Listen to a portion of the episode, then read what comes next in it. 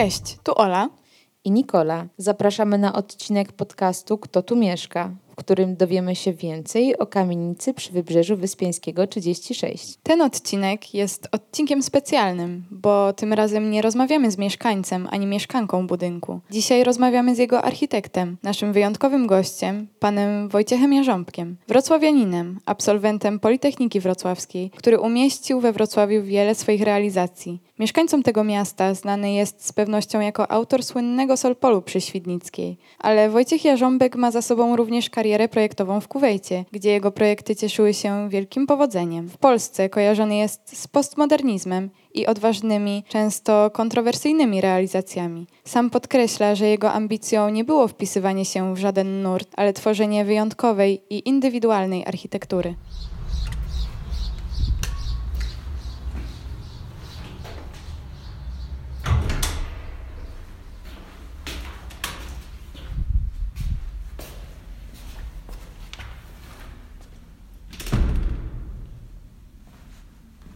Dzień dobry. Bardzo nam miło, że przyjął Pan nasze zaproszenie do rozmowy. W swojej karierze zrealizował Pan y, wiele ciekawych projektów. Czy ma Pan jakiś swój ulubiony? No wiele jest z tych projektów jest ulubiony, ale ja zawsze podkreślam, że Kościół na Popowicach to jest taki mój projekt numer jeden. Był przez 10 lat, nad nim siedziałem. I, I tak w każdej wolnej chwili, nawet w Kuwejcie robiłem wiele rysunków, które do Polski wysyłałem, bo to takie było oczko w boju. No, po wygranym konkursie to tak jakbym Pana Boga za nogi złapał. To się cała kariera, że tak powiem, zawodowa odwróciła, nie? bo wcześniej no, taka była pierwsza szansa, że, że w pełni pokazać to, co to, co myślę o architekturze, wyrazić jakby się w pełni. Ale jest wiele ulubionych moich projektów. A jak właśnie w tej takiej tabeli ulubionych projektów plasuje się kamienica przy Wybrzeżu Wyspiańskiego na Placu Grunwaldzkim? No jak się plasuje, to znaczy tak prawie równorzędnie w pierwszej, w pierwszej trójce zrealizowanych projektów, bo muszę powiedzieć, że, że w zasadzie takie trzy projekty zrealizowane, to, to mogłem im poświęcić tyle czasu, ile, żeby uzyskać jak najlepszy efekt, bo to życie architekta to jest ciężka sprawa. Terminy gonią, e, inwestorzy tam załóżmy na różne rzeczy się nie zdarzają. Im więcej przeróbek, tym mniej czasu. No i tak oprócz kościoła na Popowicach i Solpolu, to ten, ta kamienica to były takie projekty, gdzie tak w pełni, można powiedzieć twórczo, bez pośpiechu e, projekt był przygotowany. No i, i efekty też uważam najlepsze były. A poza tym, no, to jeszcze jest tak, taki, mówię, trochę wcześniejszy okres, to się teraz wspomina też lepiej, bo to przypominają się trochę właśnie młodsze lata. E, a jak to właśnie było w ogóle w czasie projektowania tej kamienicy i e, czy mógłby Pan nakreślić, jak to się stało w ogóle, że, że to Pan akurat zaprojektował e, kamienicę przy Wybrzeżu?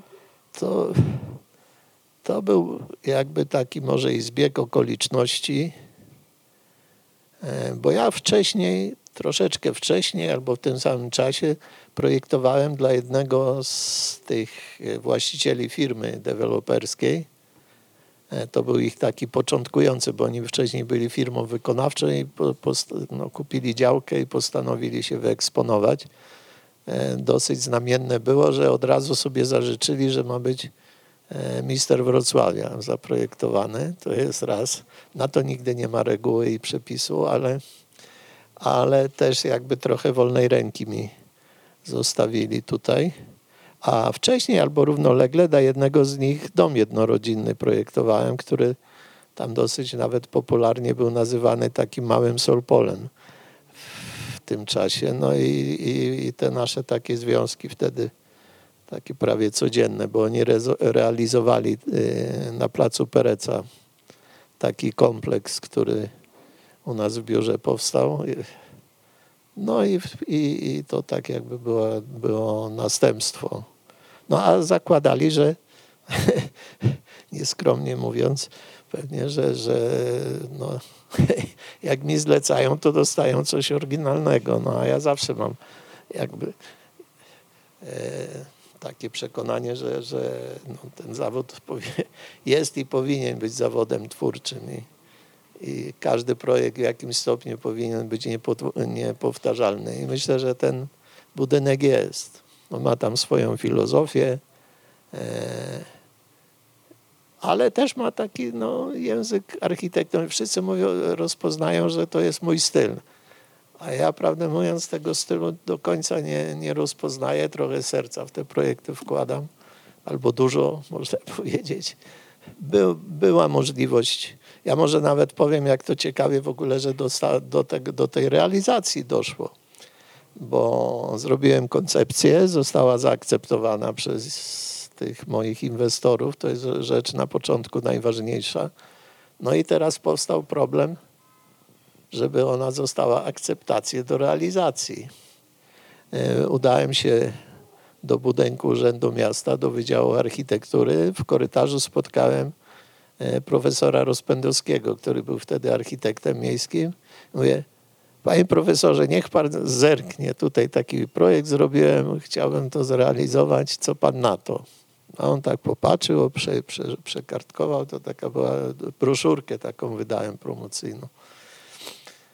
Poskrobał się trochę po głowie i za parę dni zorganizował kolegium. Zaprosił tam architektów takich znanych z zewnątrz, kierowników wydziałów, pani konserwator miejska była, wszyscy na miejscu. Ja ten projekt zaprezentowałem. Został ogólnie zaakceptowany, nawet można powiedzieć bez zastrzeżeń. I dostałem nas, w, na, w następnej kolejności, że skoro kolegium ten projekt zaakceptowało, tą koncepcję na tym posiedzeniu, to ja już nie muszę żadnych formalności e, występować o jakieś tam e, dokumenty związane z przygotowaniem inwestycji, tylko mogę od razu występować o pozwolenie na, na budowę. Także Także można powiedzieć od góry. No a pan profesor Rozpędowski to był człowiekiem naprawdę taki e, w moim rozumieniu wybitnym e, architektem i jednocześnie specjalistą od zabudowy w, takiej zabudowie historycznej, no i, i kierownikiem e, katedry czy, tam, czy Instytutu Historii Architektury i Sztuki na Wydziale Architektury. A czy właśnie ten projekt, który Pan przedstawił, on y, odbiegał jakoś od tego, co zostało zrealizowane, czy, czy zrealizował Pan dokładnie to, co chciał?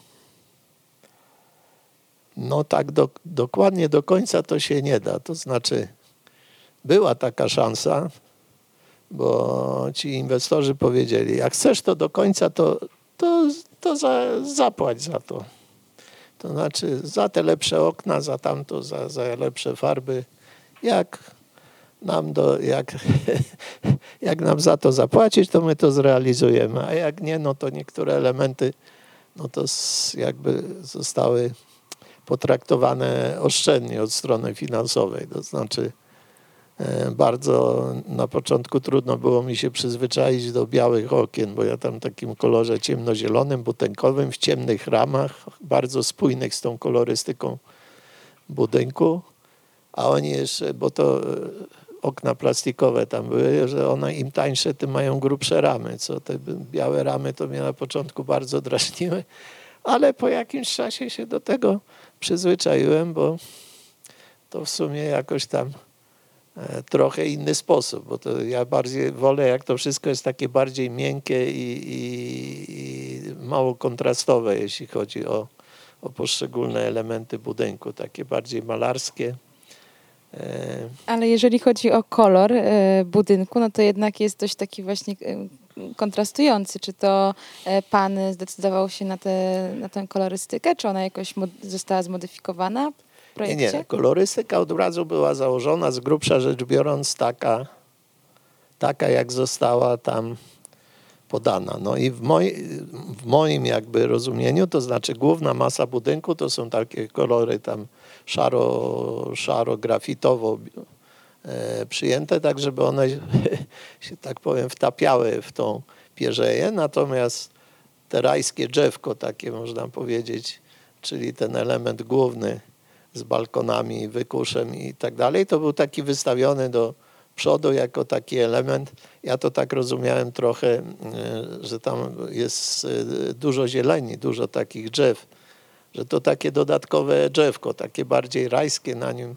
Taka była idea, że może tam jakieś ptaszki siedzą, bo to tak te, te balkony e, nawiązywały do takich właśnie, można powiedzieć, animalistycznych wzorów, to znaczy to miało być założenie takie jakby skrzydełka trochę, bo ja się inspirowałem, e, to znaczy to jest jakby tym miejscem, bo to w założeniu e, była może nie najlepsza wpierzeja e, zabudowy secesyjnej we Wrocławiu, bo w paru innych miejscach dużo, dużo bardziej mi się te budynki podobają. Natomiast ogólnie rzecz biorąc, to taki dosyć mój ulubiony styl. To znaczy, to, to jest styl, który się wyłamał z klasyki. Ta secesja to jednak było mnóstwo jakichś tam indywidualnych wątków e, plastycznych i architektonicznych, ale jednak konwencja taka, można powiedzieć, miękka, to znaczy taka łatwo, bardzo ładnie się wpisująca w tą istniejącą tkankę.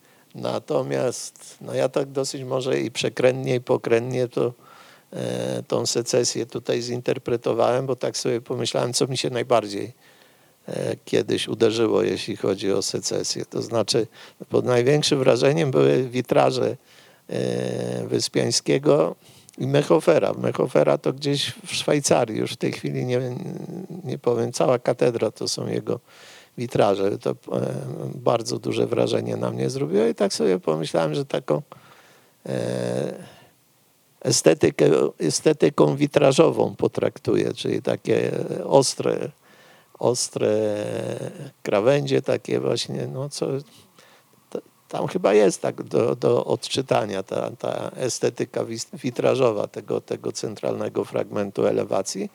Natomiast jeśli chodzi o tą E, część, która nie jest od ulicy, no ona była potraktowana inaczej, tak, tak jakby e, można powiedzieć oszczędnie, jeśli chodzi o, o stronę inwestycyjną, też jeśli chodzi o detal, niemniej jednak tam te akcenty nawiązujące do ele elewacji frontowej też, też można znaleźć.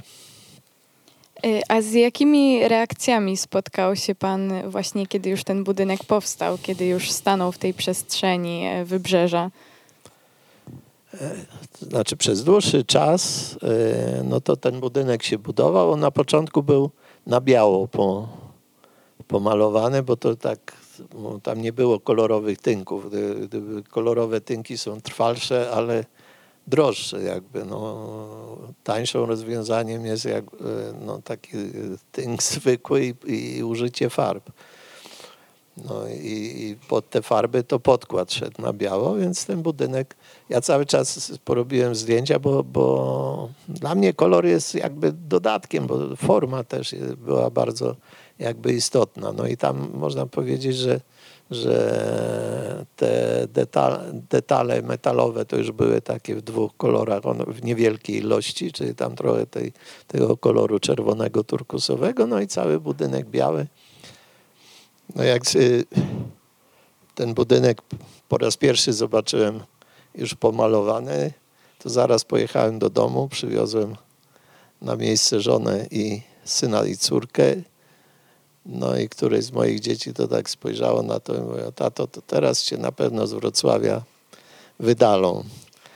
A profesor Czerner później mi opowiadał, że jak pierwszy raz przejeżdżał koło tego budynku, to mało wypadku samochodowego nie, nie spowodował.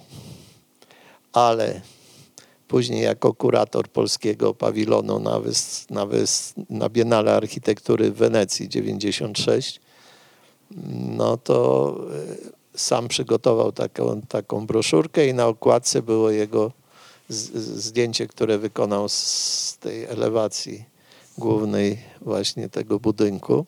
A budynek ma swoich takich zwolenników, którzy twierdzą, że to jest najlepszy obiekt, jaki udało mi się zaprojektować i zrealizować. No i ma oczywiście też swoich zagorzałych wrogów. Jak robiłem na swój użytek zdjęcia z realizacji ze statywem, aparatem fotograficznym na statywie, no to taka pani cała w bieli, w białym kapelusiku przechodziła obok i mówi, takie brzydactwo. Pan, pan fotografuje, oj, oj.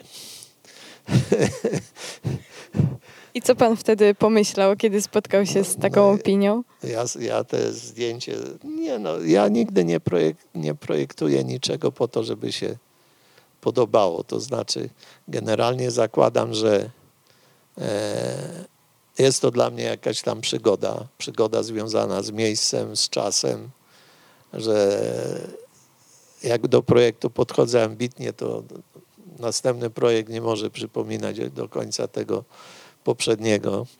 Dlatego jak tam gdzieś tu i tam mówili, że moje budynki to się od razu da rozpoznać, to mnie nawet trochę dziwiło. A, a ja myślę nawet, że to, że ten budynek został uznany, taki mister Wrocławia, co bardzo usatysfakcjonowało e, tych moich zleceniodawców, to była bardzo duża odwaga tej komisji, przydzielając ten, ten tytuł. A tam na czele komisji była pani architekt, główna architekt miejska. I ona tam kiedyś w takiej rozmowie prywatnej to właśnie e, tak, tak z jej wypowiedzi zrozumiałem, że, że to, że ona jakby, no ona przyznała, bo ona była szefową tej komisji, która przyznawała ten tytuł, że to był akt e, takiej dużej odwagi. I też ten czas, kiedy realizował Pan projekty, to był ten przede wszystkim czas transformacji, zmian, nie tyle e, w architekturze, jak też e, społecznych. Jak Pan wspomina ten czas? Czy były trudności jakieś takie z akceptacją właśnie w ogóle takich bardziej um, oryginalnych i nowych, świeżych projektów w Polsce? To znaczy, ja w tym momencie to jak ta transformacja nastąpiła, to znaczy raz, że tak jak Panią tam wspominałem, w Kuwejcie e, w tym 4 czerwca to miałem mandat z, z Komitetu Wyborczego NZZ Solidarność do pilnowania prawidłowego przebiegu wyborów w kuwejskiej ambasadzie. Zresztą tam 90%, ponad 90% osób głosowało za, chociaż tam e, no tak się mówiło, że tam głównie ludzie z układów takich prominenckich, jeszcze komunistycznym, e, na tych kontraktach się znajdowali. Myśmy akurat, grupa wrocławskich architektów, byliśmy tam, można powiedzieć, takie zupełnie jakby takiego niezależnego koleżeńskich powiązań się tam znaleźliśmy ale jakby idąc dalej, ja w tamtym okresie nie byłem na stałe zatrudniony w Kuwejcie, dosyć, to znaczy tak pół na pół, tam e, przy, przy projektach konkretnych bez, bez jakby zatrudnienia na etacie.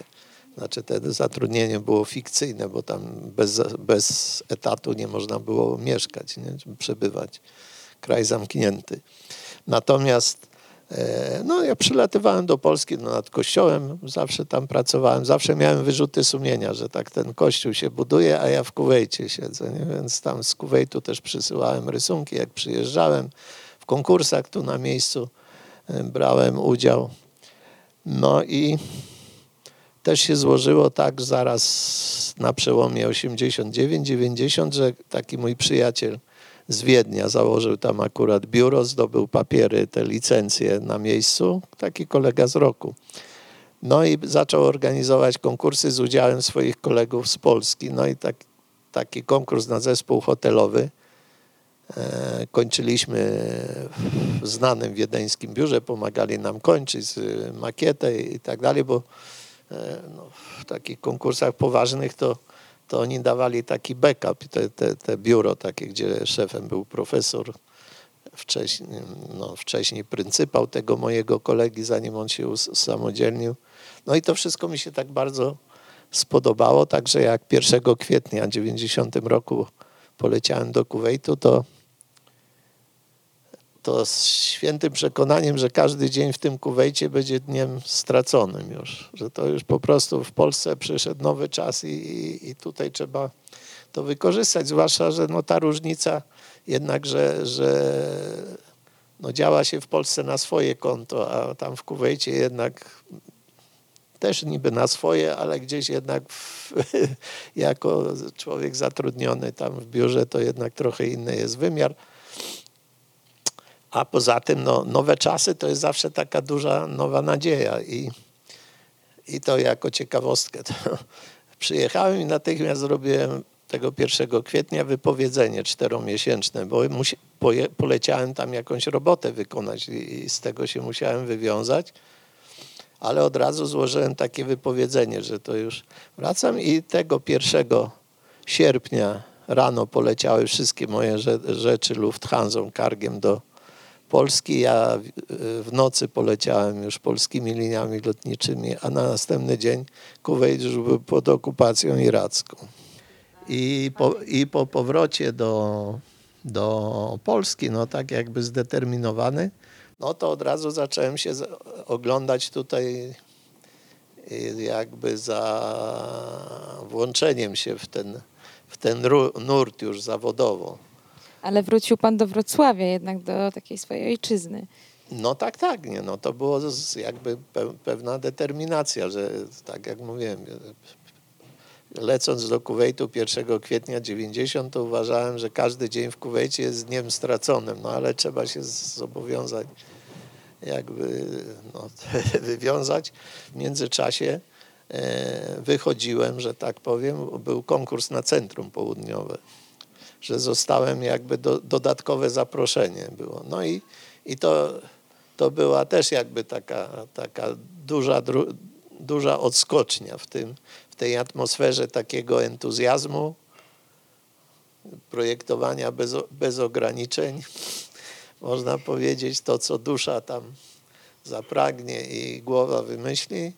No i ten projekt Centrum Południowego to, to w sumie stał się takim dużym, dużym wydarzeniem, myślę, i, i podstawą do następnych e, działań, bo, bo no konkretnie tam panie pytacie o kamienicę na na Wybrzeżu Wyspiańskiego, to e, też zaraz po tym wygraniu tego konkursu byliśmy zaproszeni do, na konkurs na Plac Pereca, taki organizowany przez spółdzielnię Osada, a później oni mi zlecili, e, ta, ta firma wykonawcza, jak się zaczęła bawić w deweloperkę, to mi zlecili właśnie tą kamienicę na, na Wybrzeżu Wyspiańskiego, także to nic nie jest w próżni, to wszystko tam się gdzieś gdzieś łączy. Ważne są, ważna jest zawsze chęć, chęć działania i, i, i, taka no, własna aktywność, nie? No bo to bez tego to ani rusz.